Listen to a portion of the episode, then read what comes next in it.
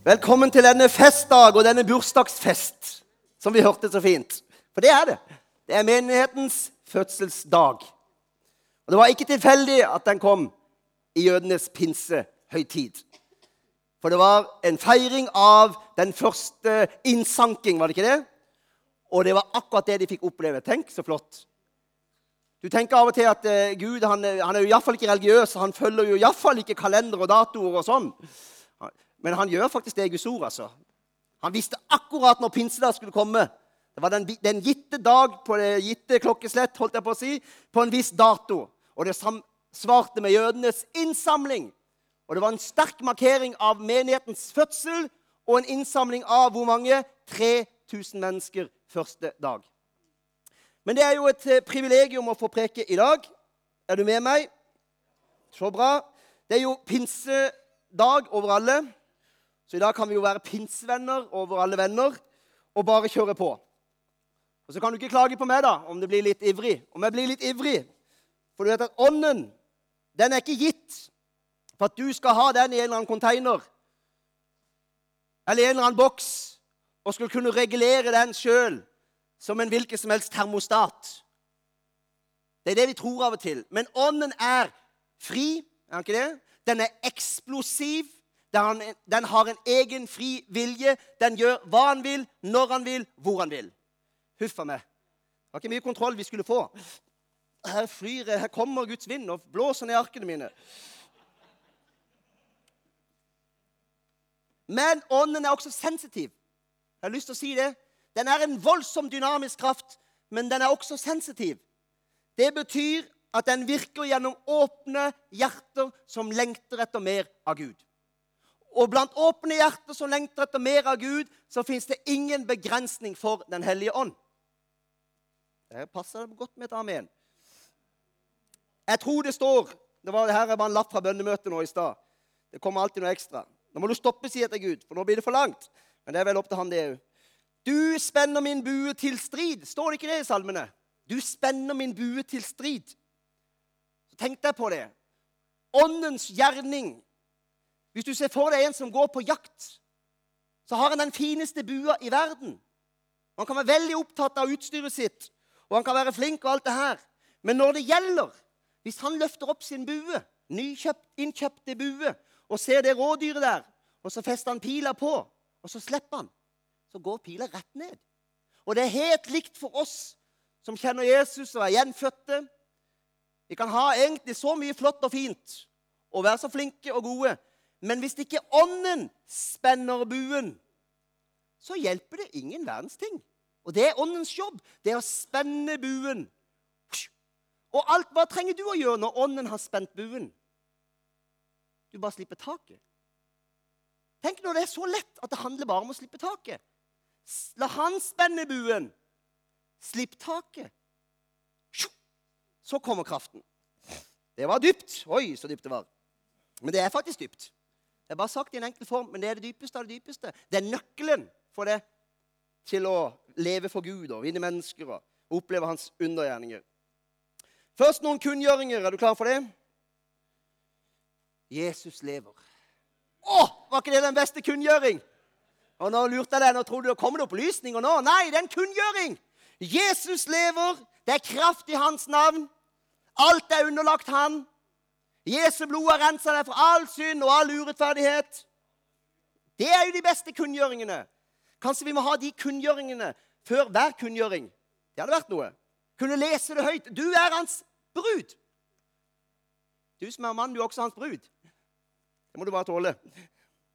Han kommer snart og henter deg igjen, og han har gjort klart en bolig for deg i himmelen. Er det bra? Hans kraft er din kraft. Dette er bare innledning, skjønner du. Vi har fått våre navn skrevet i livets bok. Tenk om det var sånn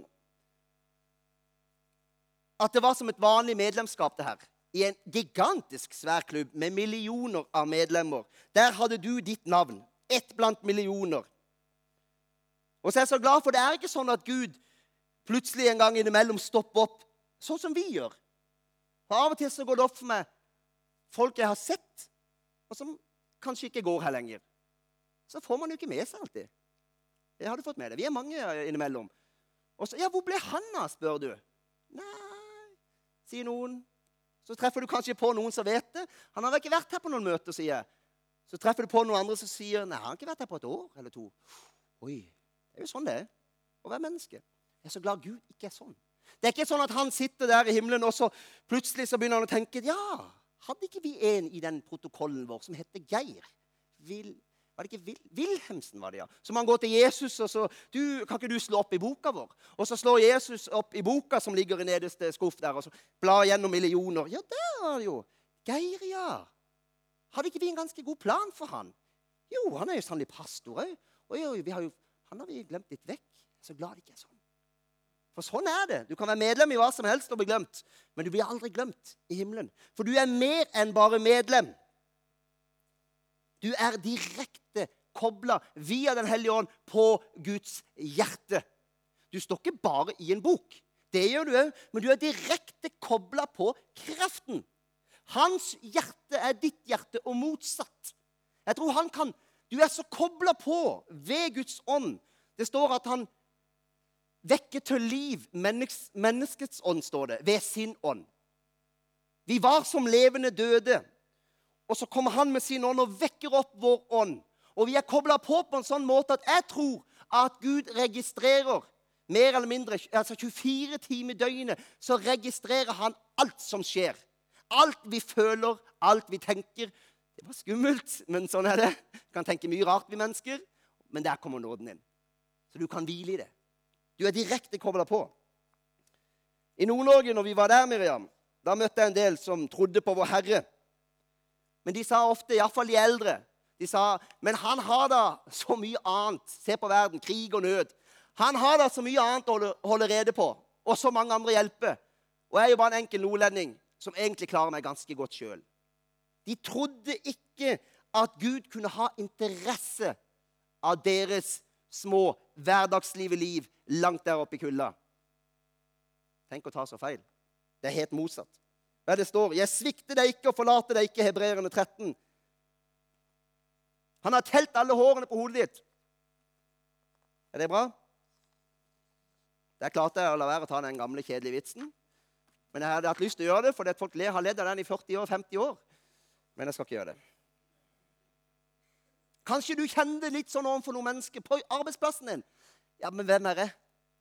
Du føler at Hva har jeg å bidra med? Har du hatt sånne jobber? Kanskje du er litt sånn som jeg, du er ekstravikar, eller du, du eh, er ny, eller nyutdanna. Og så føler du at eh, du får noen oppgaver, men du kommer ikke til de rett. Du føler ikke at de andre nødvendigvis har noe interesse av egentlig alt du kan, og hvem du er, og du gjør en jobb. Ferdig med det. Sånn er det heller ikke med Gud. Han har ikke bare ansatt deg, skjønner du. Du har blitt ansatt òg. Du har blitt en disippel. Du har blitt en soldat. Men du er mer enn det. Du er blitt en venn. Og venner, de bryr seg om hverandre. De bryr seg om hverandre. Så du har mer enn ditt navn bare i rullene. Du er kobla direkte til Den hellige ånd. Romerne 10, 17. Så kommer da troen av det budskapet en hører, og budskapet kommer av Kristi ord. Derfor er det grunnleggende viktig at du forstår hvem du er i Kristus, hva du er i Kristus, hvilken kraft som bor i det, og forstå den autoriteten som bor i det. Nei, sier du. Det er ikke noe autoritet i meg. Jeg er ikke sånn autoritetsperson. Det er ikke snakk om å være autoritetsperson, for det er ikke jeg heller.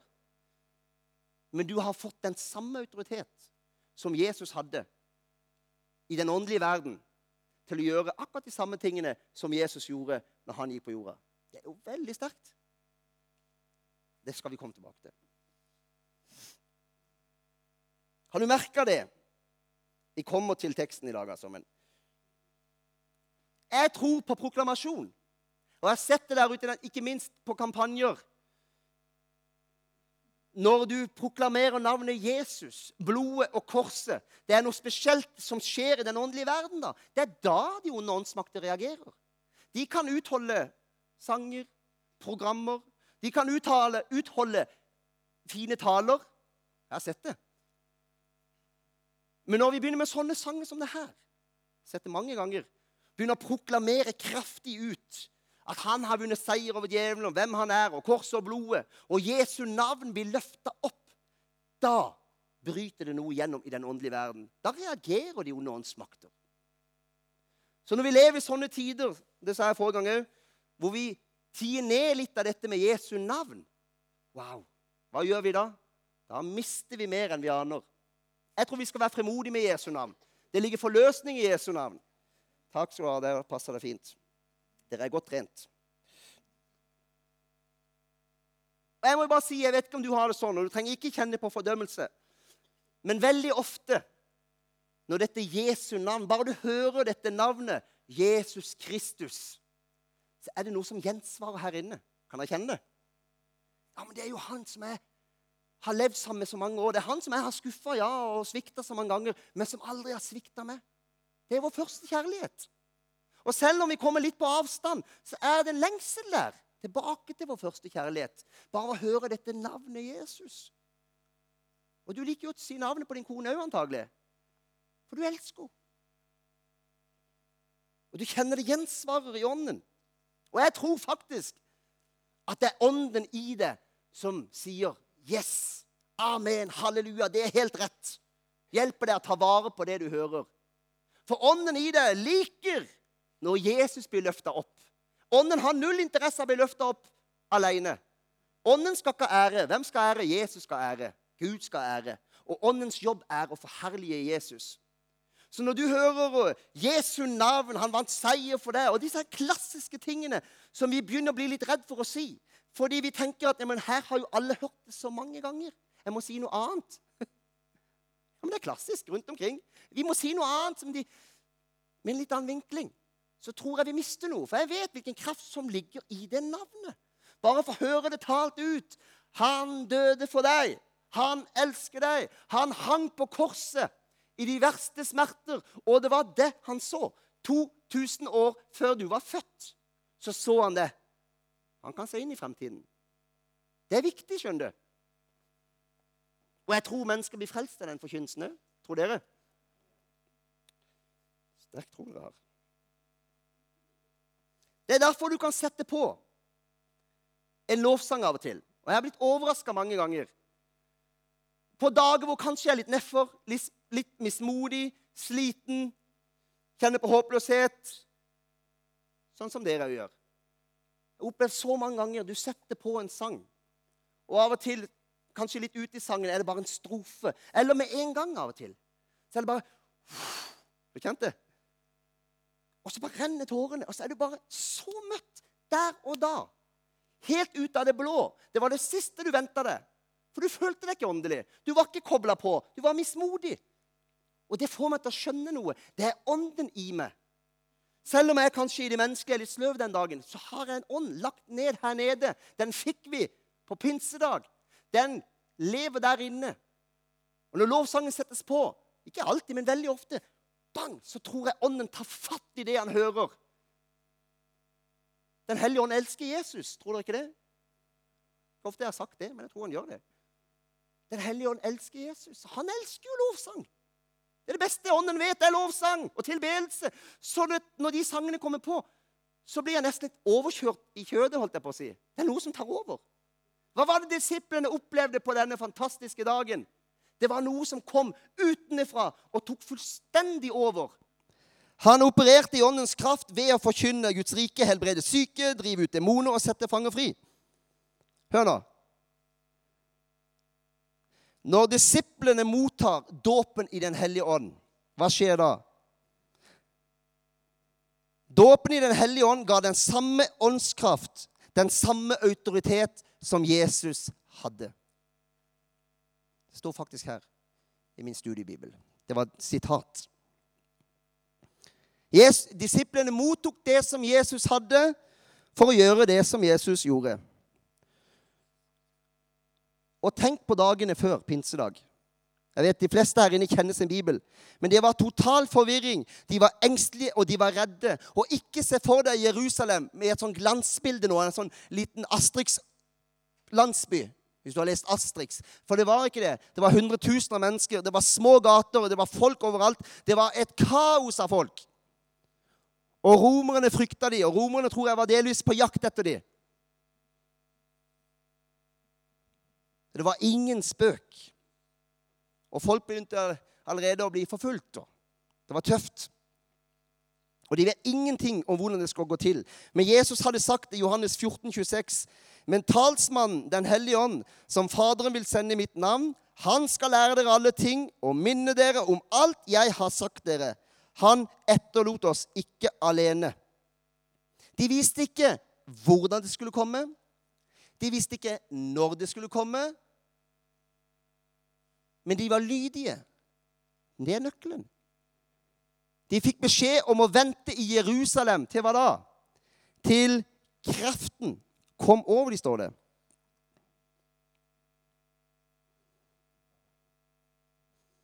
Da var de lydige. Og så venta de, og de visste ikke hva som skulle skje. Og Av og til tror jeg vi òg kan være der i livet. Vi vet ikke hva som skal skje. Men vi kjenner Guds ord, og Gud taler inn i livet vårt. Vær lydig og vent da kan du enten bruke all din energi på å prøve å løse regnestykket sjøl.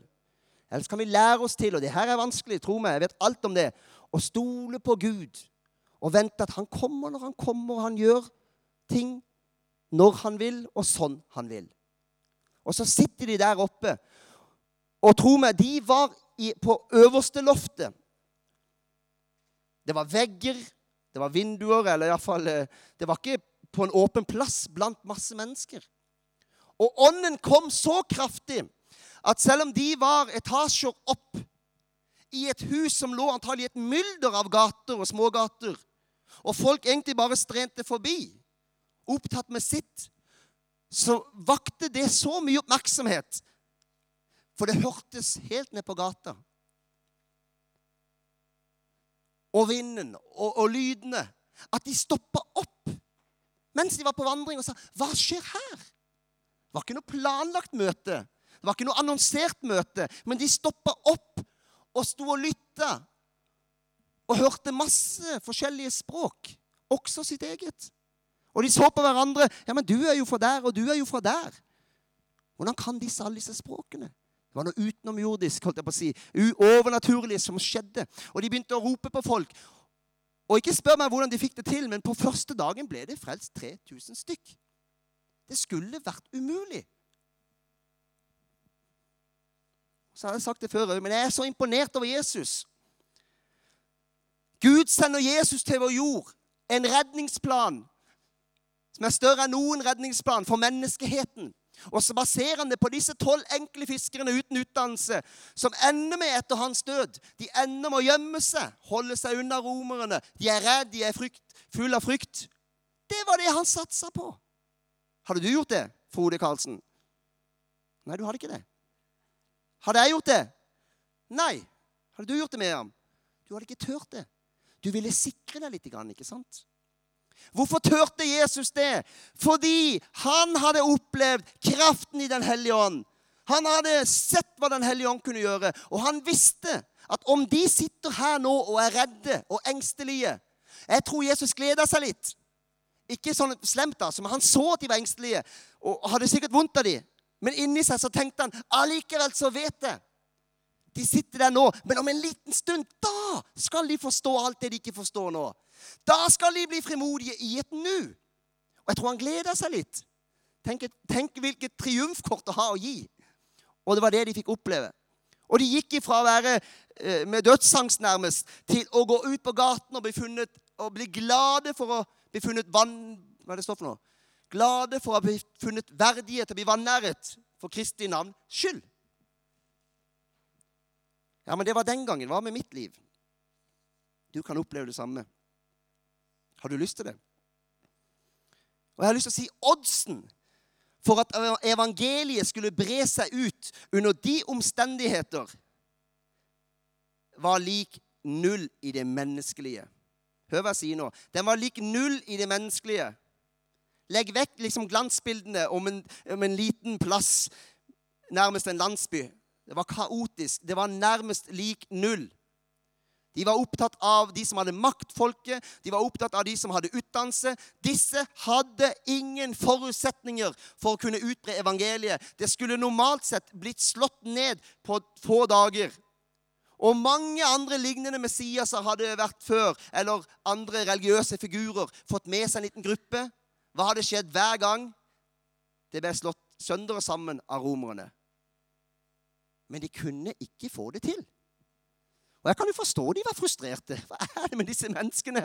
De er fiskere, de har ikke noe våpen, de har ingen politisk makt, de har ikke utdannelse. Og allikevel så bare vokser det og vokser og vokser. Hæ? Tror du eh, keiser eller Cæsar var fortvilt? Ja, selvfølgelig. Tror du Jesus fryda seg? Og han fryda seg, for han tenkte yes, der fikk de det. Og nå er de i gang. Og så begynner de å gjøre alt det som han hadde gjort. Tegn og under og mirakler og forkynne Guds rike på streder og overalt. Har vi noe mindre grunn til å stole på Den hellige ånd enn det Jesus hadde? Han stolte på Den hellige ånd. Han visste at når Den hellige ånd kommer og treffer mine gutter, da blir alt nytt. Da kan det begynne å utbre seg. Jeg tror ikke han var i tvil.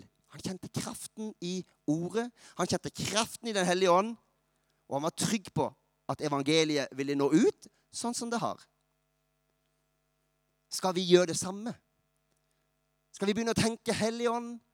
Ingenting overgår det. Ingenting er sterkere enn det. Du vet hvordan det skal gå til, og du kan få det til. Er det varmt i dag? Jeg ser du er trøtt. Du er veldig trøtt. Jeg hadde noe teolo teologisk greie her, men jeg dropper det, for jeg ser du er for trøtt.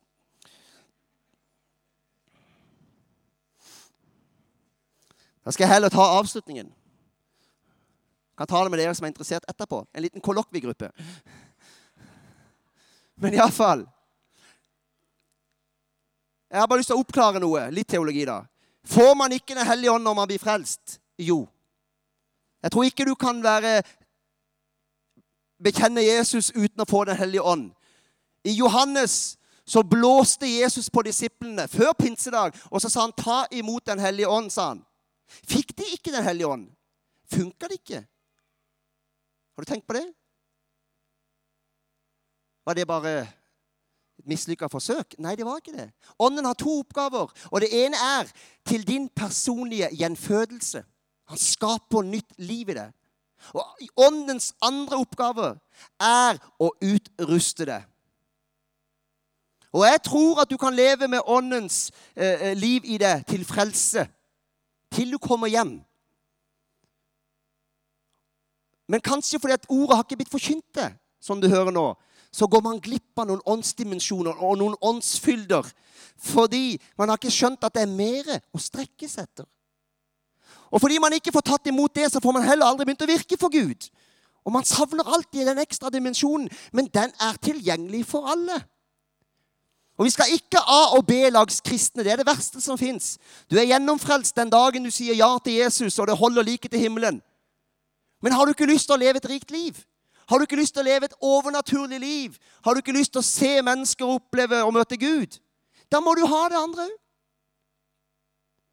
Og Håkon Fagervik han har en tale om denne pinsevennsdama holdt jeg på å si, som eh, var døpt i tunger og tungetale og alt.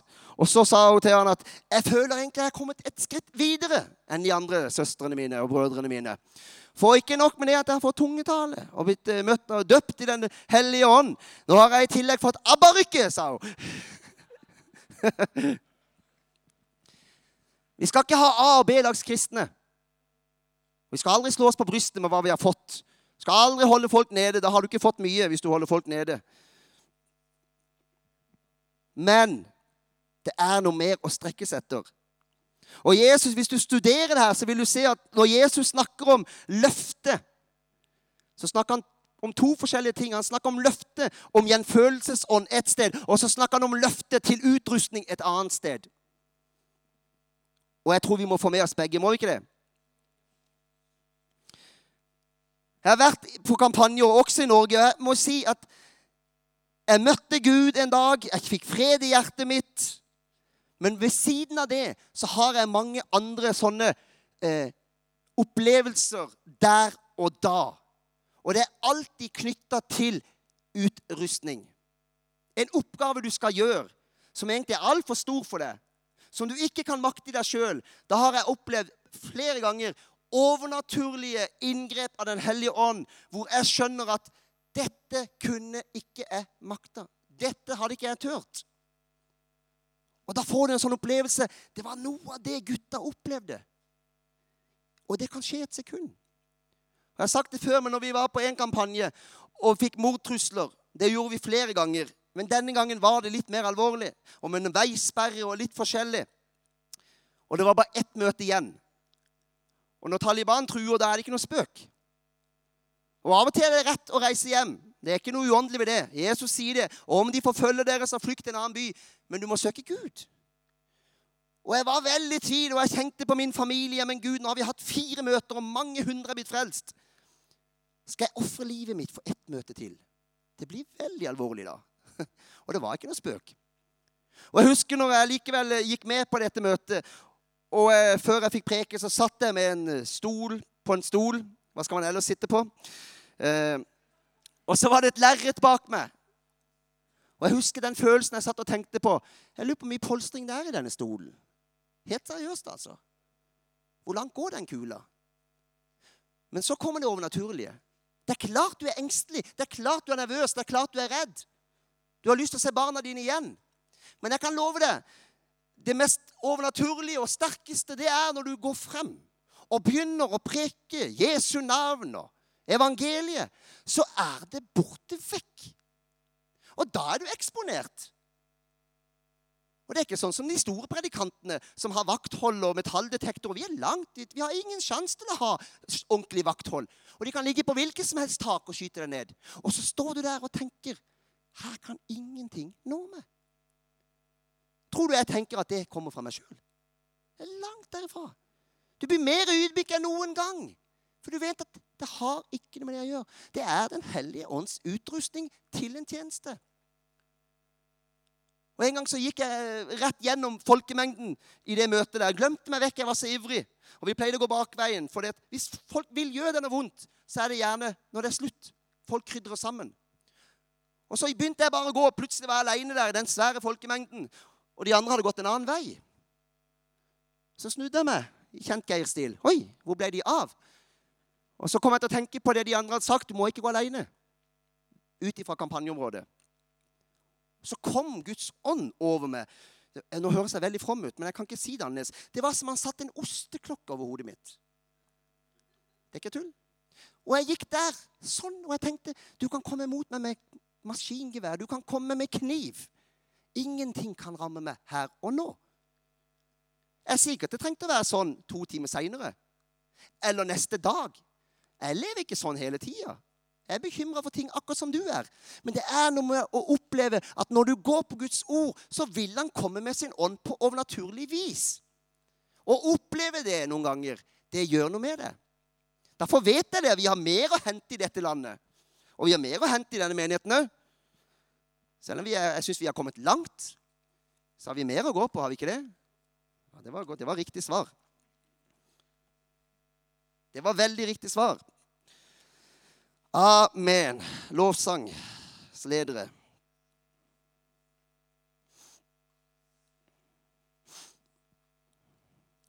En gang så prekte jeg på sånn der seminar med medarbeidere. 70 unge mennesker.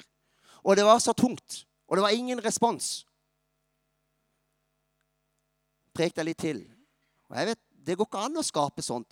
Og plutselig, det var nesten som pinsedag, plutselig ut av intet så var det som det var en vind i rommet. Og bang! Så sto alle i høylytt gråt. Jeg skjønte ingenting. Hvor kom det ifra? og de rista, og de falt, og det var et verk av ånden jeg kunne bare stå og betrakte og kose meg over. Det er jo gøy, da. Det er jo litt mer stas når ånden tar over og bare gjør jobben for oss.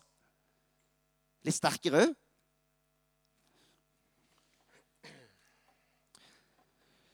Jeg sånn, jeg, avslutter jo alltid alle mine møter eller taler veldig brått. Så nå skal jeg prøve å la være, Ove, å avslutte så brått. Dere skjønte at jeg, at jeg hadde fått høre det, ja. og Miriam. Men jeg tror at mange her inne har søkt Gud mange ganger og har møtt han mange ganger. Og det syns jeg er fint. Vi skal ta opp et kors hver dag, står det. Vi skal, vi skal innvie oss hver dag, så det er ingenting i veien for det. Jeg tror ikke at det, For noen kan det være andre ting de trenger å gjøre. Kanskje heller gå et lite skritt. Så vil ting komme. Men jeg vil åpne opp for å si Trenger du å på denne pinsedag å erfare liksom et nytt møte med Gud? Et nytt møte med Den hellige ånd? Du kjenner du kanskje hadde noe av det der før. Og tro meg, jeg vet hva jeg snakker om, for jeg har vært gjennom de faser hvor jeg følte meg som en sånn en, eh, en bokser som skulle i ringen. Om det var skoleandakt eller hva det var, så kjente jeg å, jeg går med Gud. Og når Gud er for oss, hvem kan da være mot oss? Det var ingenting som kunne stoppe meg. Sånn kjente jeg det i perioder. Og så har jeg hatt mye tøffere perioder enn det, hvor jeg overhodet ikke kjente sånn. Men jeg kan si at i de perioder hvor jeg savna den dimensjonen I de perioder som har vært tøffe, så har jeg savna tilbake. Til jeg bare visste at Gud Sånn. Der vil du ha meg. Men ved Hans nåde så får man allikevel stå på for Han, og så får man langsomt, men sikkert krype tilbake. Det kan du òg. Du som savner noe av den der gløden og den der pionerånden av at Yes, det her går. Det her skal jeg være med på. Ingenting kan stoppe oss. For sterkere er Han som er i meg, enn Han som er i verden.